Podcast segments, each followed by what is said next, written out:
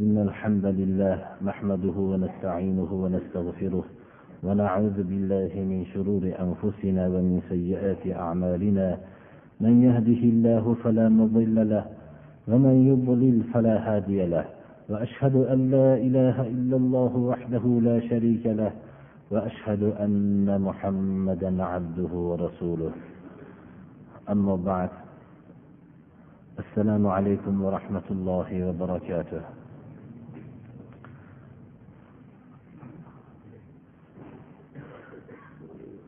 Juma kunidagi qur'oni karimdan bo'layotgan darsimiz inshaalloh allohni madadi bilan bugun surai nisoni ayollar surasini tamomlaymiz. Darsimiz oxirlab oxirgi surai nisoning oxirgi oyatlariga kelib to'xtagan edi.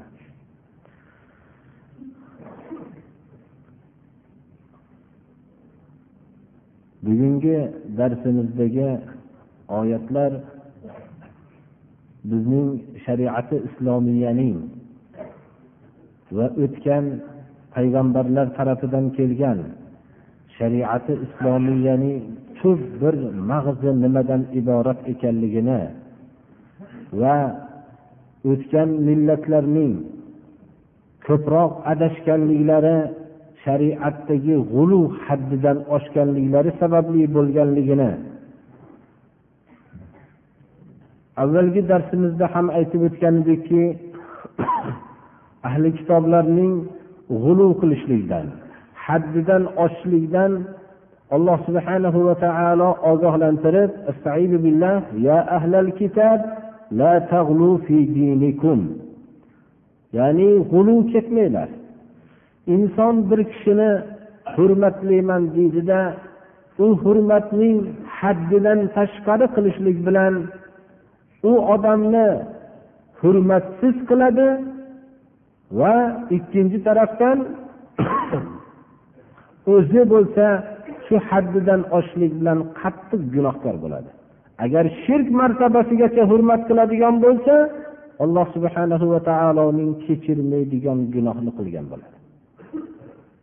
Shuning uchun ham biz islomning tub mohiyatini bilmoqligimiz kerakki alloh subhana va taolo bir haqiqatni muqarrar qilishlik uchun payg'ambarlarni jo'natdi. U ibodatning faqat o'ziga qilinishligi. Edi yaratuvchi olloh ekanligini bildirishlik uchun payg'ambarlar jo'natgani yo'q. Yaratuvchi olloh ekanligini insonlar aqllari bilan ham bilishligi mumkin edi. Payg'ambarimiz sollallohu alayhi vasallam payg'ambar bo'lib kelgan davrdagi mushriklar ular ollohni koinoti yerni yaratuvchi deb tan olishardi. Ular ibodat qilishardi ular haj qilishardi ular sadaqotlar qilishardi. Lekin ular shu bilan birga yana ibrohim alayhissalomni dinidamiz deb davo qilishardi. Ular bu davolarida kazzob edi. Ular ibodatni yagona ollohni o'ziga qilishmasdi. Shuning uchun payg'ambarimiz sollallohu alayhi vasallamni alloh taolo payg'ambar qilib jo'natdi. Ularning ibodatni faqat ollohni o'ziga qilishlikni ta'lim berdilar. Ahli kitoblardan nasorolar adashgan edi. Adashishliklari ollohni inkor qilishmasdi. Payg'ambarlarni inkor qilishmasdi. Iso alayhissalomni haddidan tashqari hurmat qilishib ollohni o'g'li deyishib yuborgan edi. Nahotki bu iso alayhissalom ham bizga o'xshagan banda bo'lsa bizga o'xshagan bo'lishligiga rozi bo'lmasligimiz kerak u kishini hurmatlari joyida bo'lmaydi deyishdida haddidan tashqari hurmat qilishdi. Albatta u boshqalardan iso alayhissalomning ulug'ligi nubuvvat bilan edi. Alloh taolo u kishini payg'ambar rasul qilgan edi. Risolatdan u kishi ulushdor edi. Mana bu kishining kamolotlari edi. Lekin haddidan tashqari hurmat qilib u kishiga ulug'iyat sifatini bir qismini berishlik bu u kishiga haqorat edi. O'zlarining mushrik bo'lishlari edi. Iso alayhissalom yakka ollohga ibodat qilishlikni ta'lim berib kelgan edilar. Takror aytamiz alloh subhanahu va taolo butun payg'ambarlarni jo'natdi bir narsani bir haqiqatni bildirishlik uchun. U haqiqat bu yerda ulug'iyat va ubudiyat bor. Bu ulug'iyat ulug'iyat faqat alloh subhana va taoloning o'ziga xos. Ubudiyat ollohdan boshqa hamma mavjudotning sifatidir.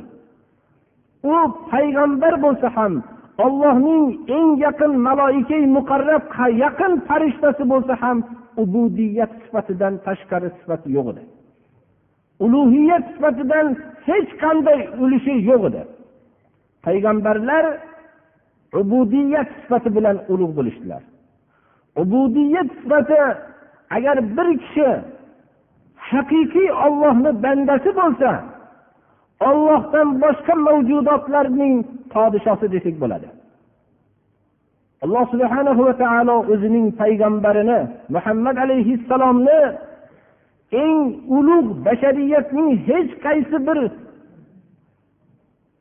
xoh payg'ambar bo'lsin xoh valiyulloh bo'lsin xoh boshqa farishtalar bo'lsin ularga nasib qilmagan ne'matini nasib qilgan vaqtida u kishini abd ya'ni banda deb sifatladi meroj isro bu rasululloh sollallohu alayhi vasallamga nasib bo'lgan ollohning katta ne'matidir isro ne'matini nasib qilgan vaqtda ham billah سبحان الذي أسرى بعبده ليلا من المسجد الحرام ilal masjidil aqso o'zining abdi bandasini dedi. Alloh subhanahu va taolo bandasini deb o'zining bandasi deb izofa qildi. Hamma ollohga bandaman deydi. Ollohga abdman deydi. Lekin olloh ham uni abd deydimi bunisi qorong'ida birodarlar ammo bu oyatda alloh subhanahu va taolo muhammad alayhissalomni bandam dedi. Ubudiyat sifati insonning eng sharafli sifatidir. Bunga ulug'lashlik uchun ulug'iyat sifatidan unga sifatlashlik bu shirkdir. Demak shu haqiqatni bilaylikki ulug'iyat faqat alloh subhana va taoloning o'ziga xos. Biror mavjudot bundan ulushdor emas payg'ambar ham ulushdor emas. Maloika muqarrabinlar ham ulushdor emas. Va shu bilan birga olloh saqlasin ular hech qanday ulug'iyatni davo qilishmaydilar har qancha martabalari ulug' bo'lsa ham. Mana bu bugungi darsimizda ahli kitoblar aytib o'tganimizdek nasorolar masih alayhissalomni ollohning o'g'li deb ulug'iyat sifatidan bir ulushi bor deyishardi alloh subhanahu va taolo ularning so'zlarini rad qilib أن يكون عبدا لله ولا الملائكة المقربون ومن يستنكف عن عبادته ويستكبر فسيحشرهم إليه جميعا مسيح عيسى عليه السلام allohga banda bo'lishlikdan oriyat qilmaydi hargiz. U kishi bu sifat bilan faxrlanadi. Maloikai muqarrab bashariyatga jo'natilingan payg'ambarlarga vahiy olib kelgan jibril alayhissalom mikoil alayhissalom isrofil alayhissalom azroil alayhissalom bular hech qaysilari ollohga banda bo'lishlikdan oriyat qilishmaydi. Balki ular faxrlanadi. Ollohga ibodat qilishlikdan qaysi bir kishi oriyat qiladigan bo'lsa takabburlik qiladigan bo'lsa yaqin kunda alloh subhana va taolo ularni hammasini o'zini huzuriga jamlaydi. Ular hisob maydonida turib hisob berishadi. ular o'zlarida haqqi yo'q bo'lgan narsani o'zlariga davo qilganligi uchun javob berishadi. Shuning uchun ham biz katta kishilarni hurmatlayotgan vaqtida ularning g'ulu ketmasligimiz kerak. Ularning ubudiyat sifatidan tashqariga o'tolmasligini biz esimizdan chiqarmasligimiz kerak. Birinchidan agar ubudiyat sifatidan tashqari sifatni ularga nisbatlaydigan bo'lsak u zotlarning haqqiga biz tuhmat qilgan bo'lamiz. Ular alloh subhana va taoloning huzurida bunday narsaning o'zlariga tuhmatni yopishligidan hijolat bo'lishadi. Alloh subhana va taolo qiyomat kuni iso alayhissalomga xitob qilib astaidu billah va ya isa ibn maryam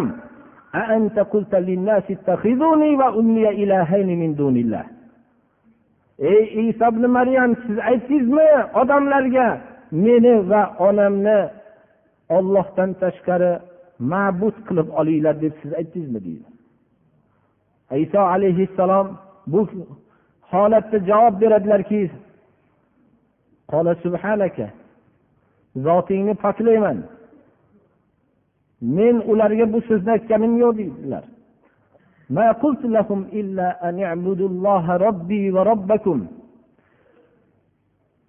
Men ularga faqat mening va sizlarning rabbiylar bo'lgan ollohga ibodat qilinglar deb ta'lim berdim. U kishi aytganlarki qaysi bir kishi alloh subhanahu va taolodan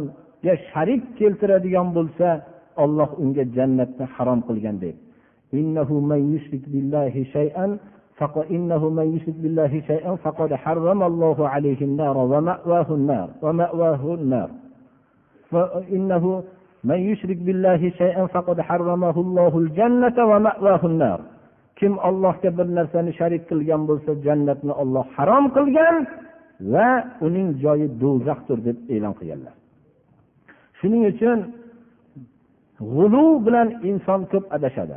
G'ulu haddidan tashqari ulug'lashlikdir. Abdul qodiri jiloniy allohni rahmati bo'lsin bu kishi katta bir zotlardan shayx bahouddin bu kishi katta zotlardan.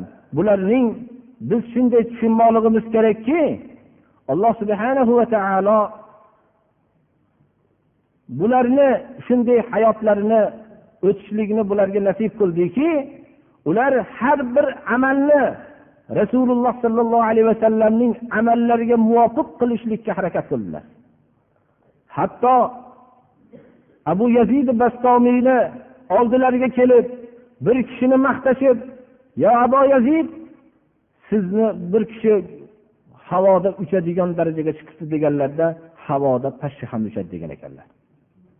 Bir kishi suzib dengizda cho'kmayapti deganlarda dengizda baqa ham cho'kmaydi degan ekanlar. Ulug'lik unda emas sunnatga ergashishlikda har bir amalni ollohi rasulining hukmiga muvofiq qilishlikda mana bu bilan kamolot hosil qilinadi degan ekanlar. Biz katta kishilarni hurmatlashlikda g'ulu ketadigan bo'lsak g'ulu bizlarni oxiri borib shirkka olib boradi. Alloh subhana va taolo payg'ambarlar haqida g'ulu qilishlikdan qaytardi. Rasululloh sollallohu alayhi vasallam aytar ekanlarki men kirganimda turmanglar der ekanlar. Ajamlar bir birlarini ulug'lagandek ulug'lamanglar meni.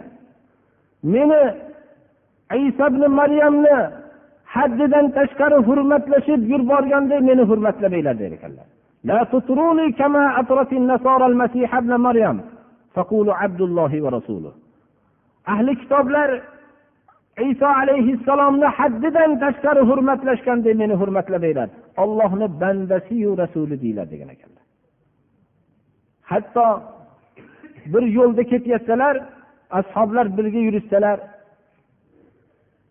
meni oldimga o'tib yuringlar. Orqamni rahmon taoloning farishtalariga qo'yib qo'yinglar der ekanlar. Rasululloh sollallohu alayhi vasallamning tavozulari hatto bu o'zlarining keyingi hayotlaridan keyingi holatlarini ham ogohlantirdilarki rasululloh sollallohu alayhi vasallamga ummu salama onamiz habashistonda ko'rgan kanisalardagi suratlarni ko'rganlarida u yerlarni maqtaganlarida bular ollohning eng yomon odamlari. Ular o'zlarining shunday ulug'larni suratini qo'yib olib shunga sig'inishadi degan ekanlar. Meni qabrimni id qilmanglar degan ekanlar. Yahud nasorolarni olloh la'nat qilsinki payg'ambarlarni qabrlarini idgoh qilib olishgan degan ekanlar. Payg'ambarimiz sollallohu alayhi vasallam o'zlarining abdullohi va rasuluh shu sifat bilan sifatlanishligini xohladilar payg'ambarlar oriyat qilmaydi allohga banda bo'lishlikdan maloika muqarrablar ham oriyat qilmaydi kim oriyat qiladigan bo'lsa va takabburlik qilsa alloh subhanahu va taolo yaqin kunda hisob maydoniga ularni jamlaydi فأما الذين آمنوا وعملوا الصالحات فيوفيهم أجورهم ويزيدهم من فضله وأما الذين استنكفوا واستكبروا فيعذبهم عذابا أليما ولا يجدون لهم من دون الله وليا ولا نصيرا iymon keltirgan kishilar solih amallarni qilgan kishilar bularni alloh subhanahu va taolo mukofotlarini to'la beradi ularga o'zining fazlini ziyoda qilib beradi ammo alloh subhanahu va taologa ibodat qilishlikdan bosh tortib boshqa bir yerdagi ubudiyatlarga bo'ysunadigan bo'lsa ollohga bo'lgan ubudiyatdan bosh tortadigan bo'lsa alloh bundan oriyat qiladigan bo'lsa alloh subhana va taolo alamlantiruvchi azob bilan azoblaydi. Ular ollohdan tashqari o'zlariga yordamchi do'st topisha olmaydi. Haqiqatda ham ollohga ibodatni qo'yib boshqa bir narsalarga sig'ingan boshqa o'zlariga o'xshagan insonlarga sig'inganlar o'ziga dunyoda ham do'st ham yordamchi ham topolmadi birodarlar. Xalqlarniga xoinlik qilib ollohning buyrug'ini xalqlarga bularni yetkazmasdan ollohni yo'liga muvofiq xalqlarni yetalamasdan boshqa odamlarga nafslari uchun qul bo'lgan olloh e, kishilarni alloh subhana va taolo o'zi qattiq azob bilan dunyoda xorladiki ular la'natlanib qolib ketdi.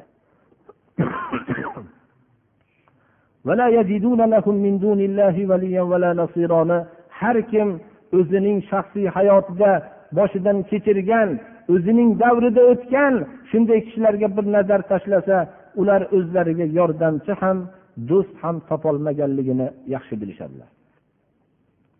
Alloh subhana va taoloning sunnatiki yer yuzida ollohni buyrug'ini qo'yib boshqaning buyrug'ini qilsa yo ollohning buyrug'ini buzsa farzandim deb yo do'stlarim deb yoyinki qarindoshlarim deb yoyinki xalqim deb ollohning hukmini buzadigan bo'lsa alloh subhana va taolo o'zi ozorni mana shu xalqlardan beradigan qilib qo'yadi.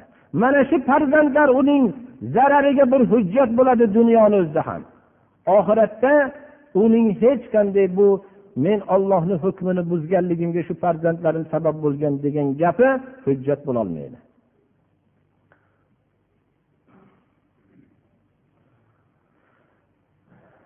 يا أيها الناس قد جاءكم برهان من ربكم وأنزلنا إليكم نورا مبينا فأما الذين آمنوا بالله واعتصموا به فسيدخلهم في رحمة منه وفضل ويهديهم إليه صراطا مستقيما alloh subhanahu va taolo umumiy odamlarga xitob qilyapti ey odamlar sizlarga rabbiylar tarafidan hujjat keldi qur'oni karim ba'zi o'rinlarda furqon deb ba'zi o'rinlarda burhon deb yod qilinadi. Bu yerdagi o'rinda burhanum min robbikum robbiylar tarafidan sizlarga hujjat keldi. Va sizlarga ochiqdan ochiq nurni tushirdik. Qur'oni karim nurdir. Qur'oni karimning nur bilan ifodalanishligi har kim buni o'zini ilmiga yarasha tushunadi. Qur'oni karim nurligi hamma jaholat zulmotlarni yorituvchi yo'ldir. Odamlarning hammasini yo'li zulmotdir. Qur'oni karim yo'li nurdir buni nurligi mubin ochiq nurdir. Qur'oni karimning ko'rsatgan yo'li insonlarning nurga olib boradi. Qur'oni karimni tilovat qilinganda nur paydo bo'ladi. Biz bu narsani hozirgi zamon dinga ulamagan fan olimlari ham masjidlarda qur'oni karimni halqa qilib tilovat qilinib turilganda shu yerdan nur chiqib turishligini isbotlashlikka biz hojatimiz yo'q birodarlar. Ularning hojati bor.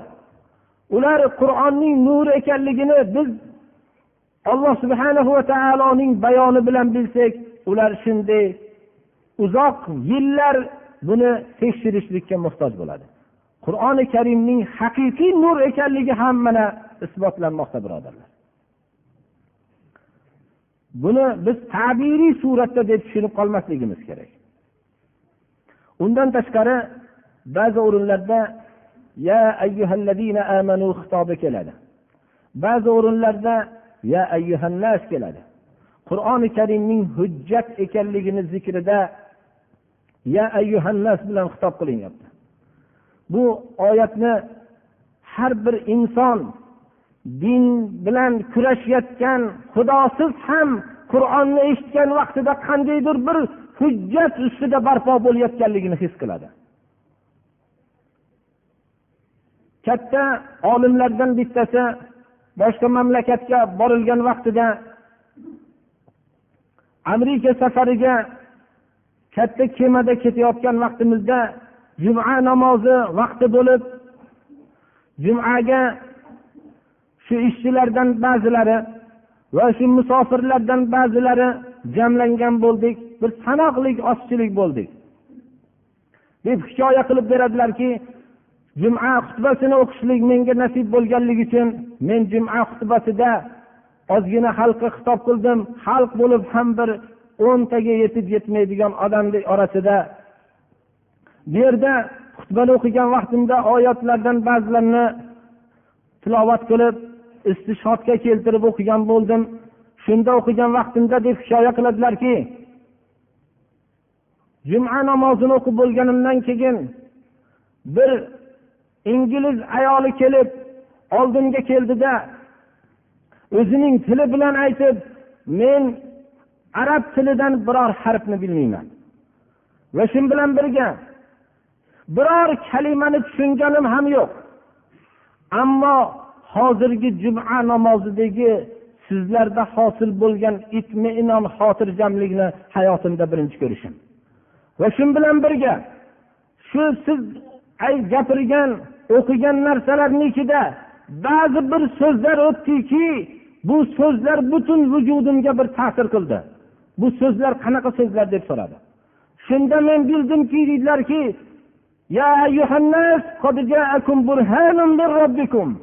ey odamlar ya'ni bunga mo'min bo'lishlik ham shart emaski qur'oni karimning haqiqiy hujjat ekanligini bilishlikka. Rabbiylar tarafidan burhon hujjat keldi degan narsa hatto biror bir harfda arab tilidan bilmagan qur'on nima ekanligini bilmagan kishi ham qur'onni eshitganda qandaydir lafzi bilan ifodalolmaydigan bir hujjat ustida barpo bo'layotganligini his qiladi. Lekin arab istilohotlarini bilsa qur'oni karim istilohotlarini bilsa bundagi hosil bo'lgan hujjatni uni o'zi va olloh o'rtasidagi sirdir birodarlar. Haqiqatda ham qur'oni karimni hujjat ekanligini dinsizlar ham biladi birodarlar. Lekin qur'oni karimga yo'liga o'tgan vaqtida u qur'oni karim uni insoncha pokiza yashashga majbur qilib qo'yganligidan qo'rqadi. U o'zining fisq hujur harom harish ishlarini to'xtab qolishligidan tashvish qiladi. Buni ko'p vaqtlarda odamlar o'zi ham ifodalab aytishadi. Axir namoz o'qing. Ro'za tuting islomni biling desangiz men to'g'ri buni yo'lni noto'g'ri demayman ammo men hozir harom ishlar bilan aralashib yuribman namoz o'qib qur'on o'qiydigan bo'lsam bu ishlarimdan qaytishim kerak bo'lib qoladi deydi. Ha islom ularni insoncha yashashga majbur qiladi. Islom ularni pokiza olloh buyurganday yashashga majbur qiladi. Ana shu majburlikdan qo'rqib ular insoncha yashashni qo'yib hayvoncha yashashlikni ixtiyor qilishadi. Bu o'zlarining lafzlaridan ham oshkor bo'lib turadi. Yoshlardan ham so'rasangiz men bir yoshlikdagi bo'ladigan harom harish ishlardan mahrum bo'lib qolaman namoz o'qisam deydi. Aytmaydiki u islom yo'li noto'g'ri deyolmaydi.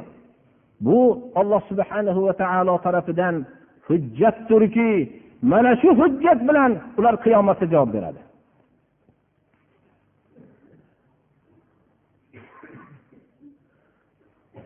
فأما الذين آمنوا بالله واعتصموا به ollohga iymon keltirgan kishilar ollohniga iymon keltirishlik bilan buning samarasi billah ollohni hukmiga shunday chang urib mahkam ushlashlik hosil bo'ladi qaysi bir qalb iymon halovatini tatar ekan ollohning hukmini mahkam ushlaydi uni mayda mayda qilib tashlanadigan holatda ham o'zining dinini bermaydi. U iymonining halovatini shunda ham tatib turadi. Ashobi ikromlar iymon halovatini tatishgan zotlar edi shuning uchun ular olloh yo'lidagi ozorni shirin narsa deb bilishardilar. Iymonlarini ziyoda qilardi bu holatlar. Iymon keltirib ollohni hukmini mahkam ushlaganlarni alloh subhanahu va taolo yaqin kunda o'zi tarafidan bo'lgan rahmatu fazlga olib kiradi. Rahmat fazl buning ma'nosi ko'pdir birodarlar. Alloh subhana va taolo o'zining rahmati va fazliga kirgizadi. Shunda ular quvonishadi. Shu rahmatu fazl bilangina quvonilmoqligi kerakki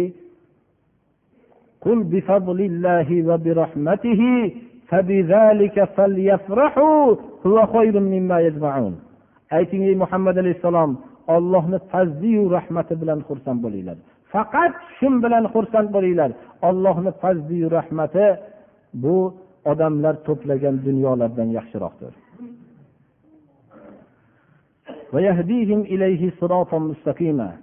va ularni to'g'ri yo'lga hidoyat qiladi emas birodarlar.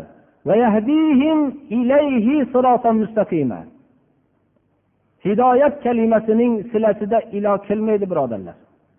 Ularni to'g'ri yo'lga hidoyat qiladigina kalima emas o'zining huzuriga olib borib to'g'ri yo'lga hidoyat qiladi.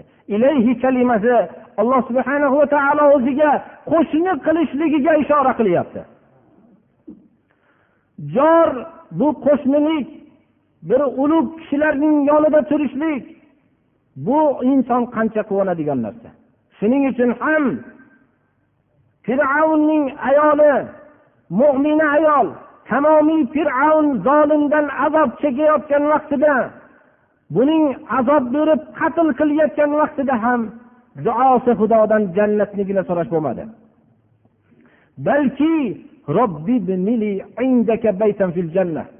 xudoyo o'zingni huzuringdagi jannat bo'lsin dedi. Indakani qayd qildiki shuning uchun balki jannatdan ham qo'shnilikni avval zikr qildi.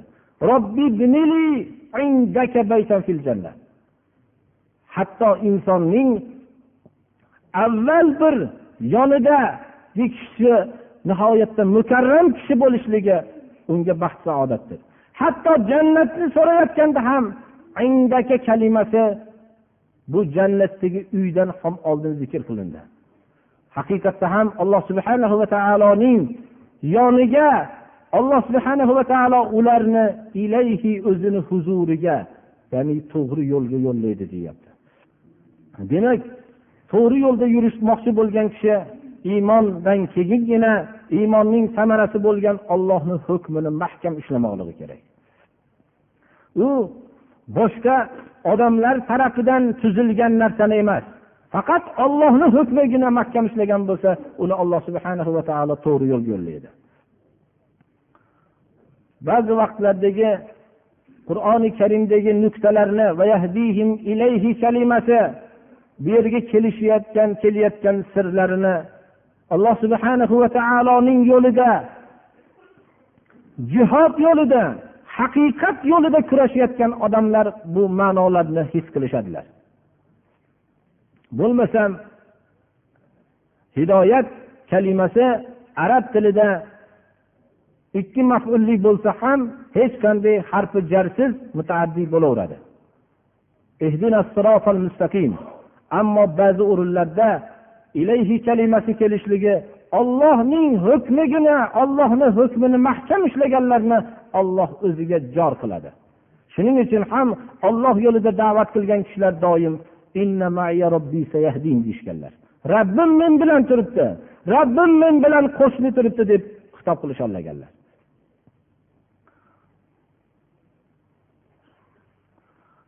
rasululloh sollallohu alayhi vasallam ham g'orda turganlarida hech qanday madad qolmaganda abu bakr roziyallohu anhu qo'rqib rasululloh sollallohu alayhi vasallamdan qo'rqib yig'laganlarida la tahzan ma'ana dedilar ular qo'shnichilikni dunyoda ham his qilib yashaydi ollohning haqiqiy do'stlari يستفتونك قل الله يفتيكم في الكلالة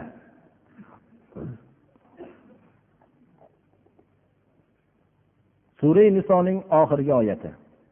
Sura niso ayollar nomi bilan atalgan sura bo'lib suraning avvalida bashariyatning bir butun oila ekanligini bir bashariyatning birinchi kishisining otasi yo'q ekanligini birinchi kishi otasiz olloh yaratgan zot ekanligini ishora bo'lishligi bo'lsa kerak.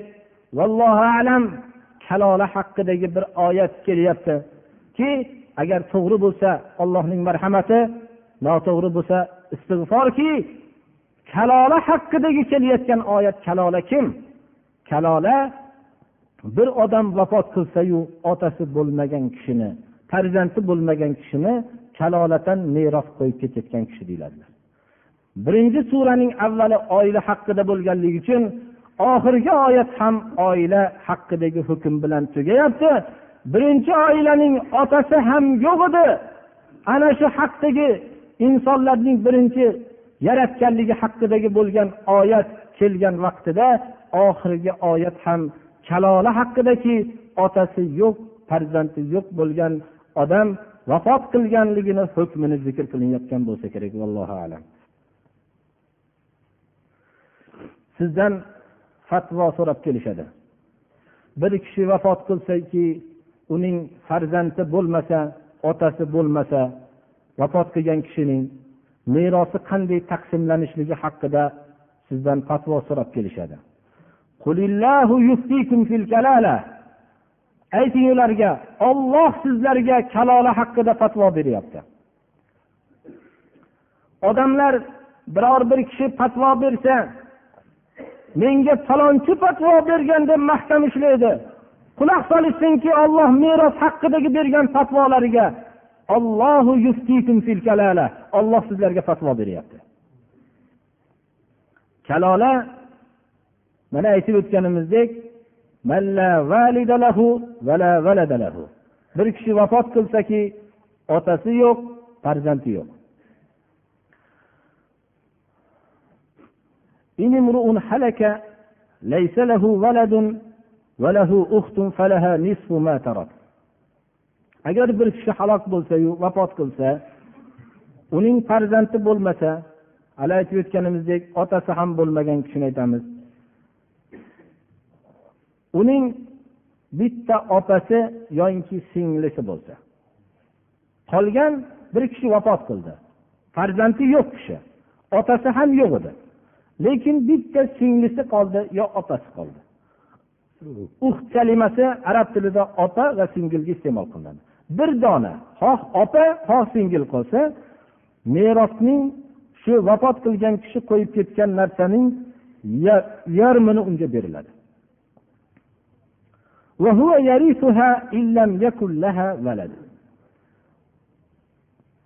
Bir ayol kishi vafot qildi. Vafot qilgan er kishi bo'lganda shunday. Vafot qilgan kishi ayol kishi edi.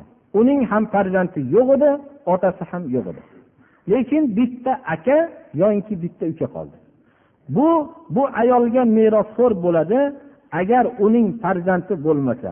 Ya'ni merosxo'r bo'lishligi alloh subhana va taolo meros oyatlarida bayon qilingan ulushdorlar ulushini olgandan keyin qolgani hammasi shu bitta qolgan akasi yoinki ukasiga qoladi. Haqiqiy merosxo'r bo'lib hammasini oladi. Agar bir kishi vafot qilsayu otasi yo'q edi farzandi ham yo'q edi uning qolgan ikkita opasi yo ikkita singlisi yo bitta ota singlisi qolib ikkita ayol kishi merosxo'r bo'lib qoldi. Tushunarli bo'lgandir bir kishi vafot qilsayu farzandi yo'q otasi ham yo'q. Yo ikkita opasi yo ikkita singlisi. Yo bitta ota bitta singlisi qoldi. Shunda ikkita bo'lsa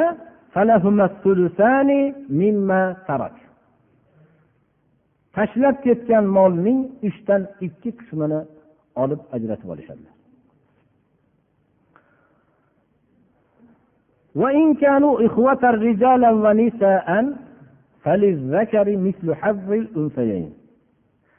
Agar bir kishi vafot qilsayu otasi yo'q va farzandi yo'q bo'lgan kishi vafot qildi.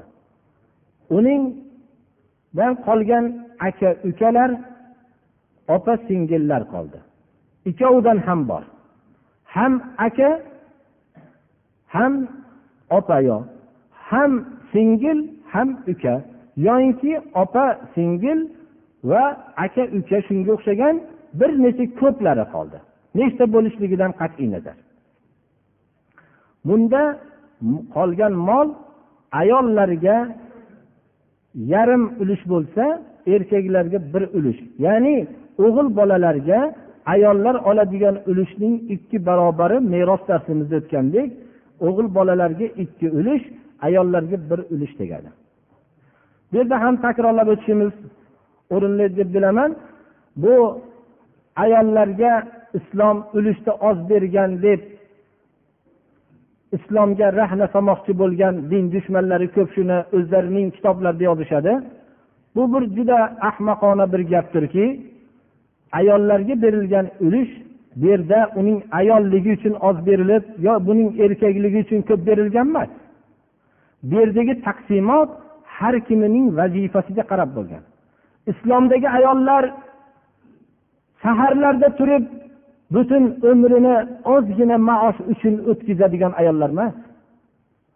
Islomdagi ayollar bilaklari uzilib ketadigan yuklarni bozorma bozor ko'tarib yuradigan ayollar emas. Islomdagi ayollar ularning qaramog'idagi erkaklar butun nafaqalarini beradigan kishilardir. Alloh subhana va taolo qo'pol qilib aytsak er kishini ayollarning farzandlarning tarbiya qilishdek oliy vazifasi uchun er kishini mardikor qilib qo'ydi. Nafaqalik lozim qilib qo'ydi. Shuning uchun ayol kishi yarim ulushni oladi. Chunki er kishining vazifasi farzandlarga qarash kerak va shu ulush olgan ayolga ham nafaqa berib turishlik kerak. Ota onaga qarashlik kerak va qarindosh urug'larga nafaqa berib turishlik kerak. Shuning uchun uning oladigan ulushini ko'proq qilib qo'yildi ammo ayol kishi bo'lsa olgan ulushini faqat o'ziga sarf qiladi. Unga nafaqa lozim emas ayol kishiga. Ha bozorlardan erlari hech narsa olib kelmasdan o'zing topib ol deydigan ayollarga nisbatan oz desak bo'ladi. Bilaklari uzilib ketadigan yuklarni qo'llarida ko'tarib yurib azob chekayotgan ayollarga o'zlarining topganini ham farzandlariga ham qarindoshlariga sarf qilib o'ziga yetishtirolmasdan erlaridan hech narsadan ololmasdan mahrum bo'lib yurgan ayollarga nisbatan haqiqatda oz. Lekin islom o'zining muslima ayollariga qarab taqsim qiladi. Bu taqsimot muslima ayollarga nisbatan.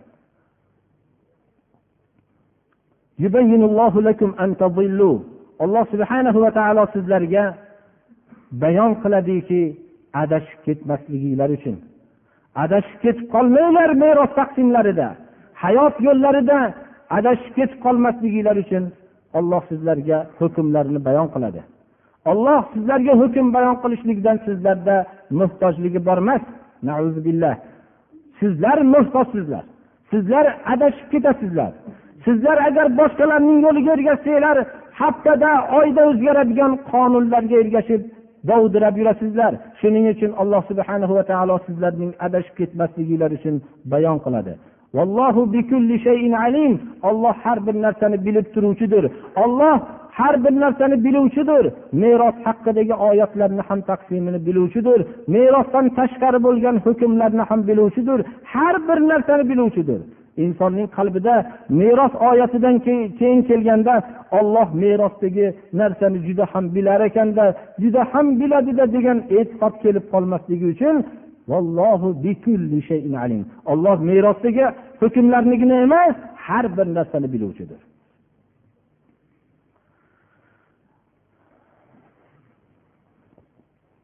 alhamdulillahi robbil alamin vassalotu vassalamu ala sayyidil mursalin. Mana surai niso ayollar surasining tafsirini qo'limizdan kelganicha juma kunidagi darslarimizda mana o'tgan bo'ldik. Alloh subhanahu va taolo bu oyatni avvalini ham oila haqida bo'lib oxirgi oyat ham oila haqida bo'ldi. Bu narsa shuni ko'rsatadiki islom oilaga qancha e'tibor berganligini. Chunki oila islomda jamiyat binosining birinchi g'ishti qo'yiladi. Bu birinchi g'ishti agar to'g'ri qo'yilsa bu bino osmongacha bo'lsa ham to'g'ri ketadi. Ammo birinchisi noto'g'ri qo'yilgan bino u mutlaqo har qancha baland bo'lsin ho past bo'lsin hammasi egri bo'lganicha qolaveradi. Shuning uchun oilaga islom juda katta bir e'tibor berdi.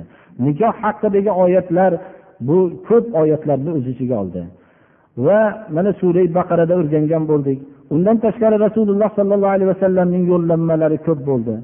Juda ko'p yo'llanmalar berdi. Hatto nikohlanish haqida qanday bo'lishligini hammasini ta'lim berdilar. Biror bir oila qurishlik haqida odamlarni muhmal o'z holatlarida qo'ymadilar. Ba'zi hikmatli kishilar ham aytishgan ekanlarki farzandlarim men sizlarning tug'ilganinglardan keyin ham tug'ilganinglardan ilgari ham yaxshilik qildim degan ekanlar.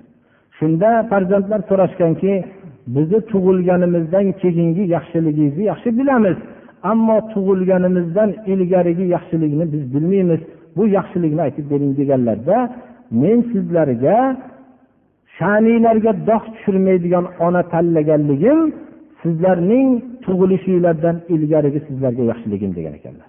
Haqiqatda ham har bir kishi otasi bilan faxrlanishlikdan ko'ra ham onasi bilan ko'proq faxrlanadi.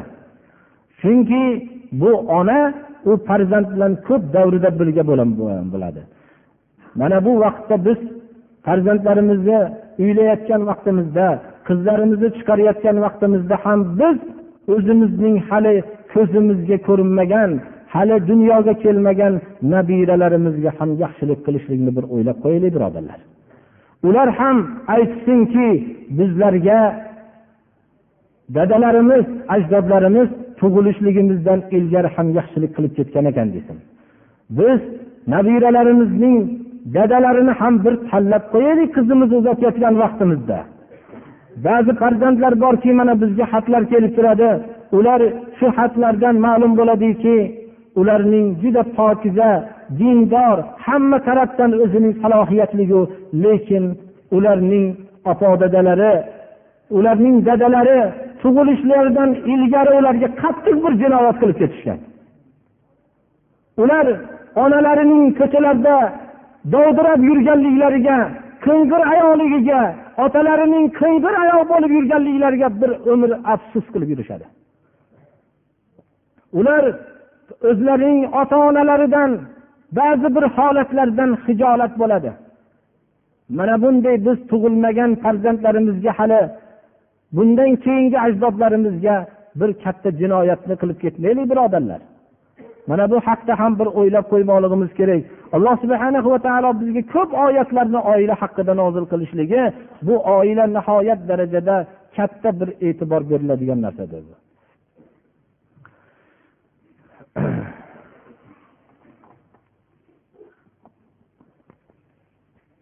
Birodarlar ba'zi savollarda odam o'qib o'qigani hijolat oladi bu savollar juda ko'p gapirilgan bularni yaxshi bilib olishlik kerak. Biz shuni bilamizki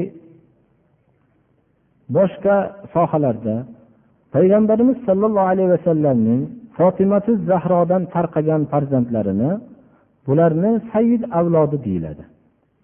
Agar bir kishi nasabi shu yerga borgan bo'lsa rasululloh sollallohu alayhi vasallamning avlodidan bo'ladi.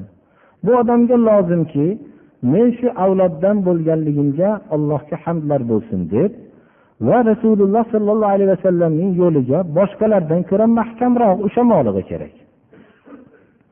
Buni quruqdan quruq dinni bilmasdan men shu avloddanman degani uyalishlik kerak. U kishini yo'llarini ushlamasdan turib men shu avloddanman degani uyalishligi kerak bu. Bu hijolatli narsa.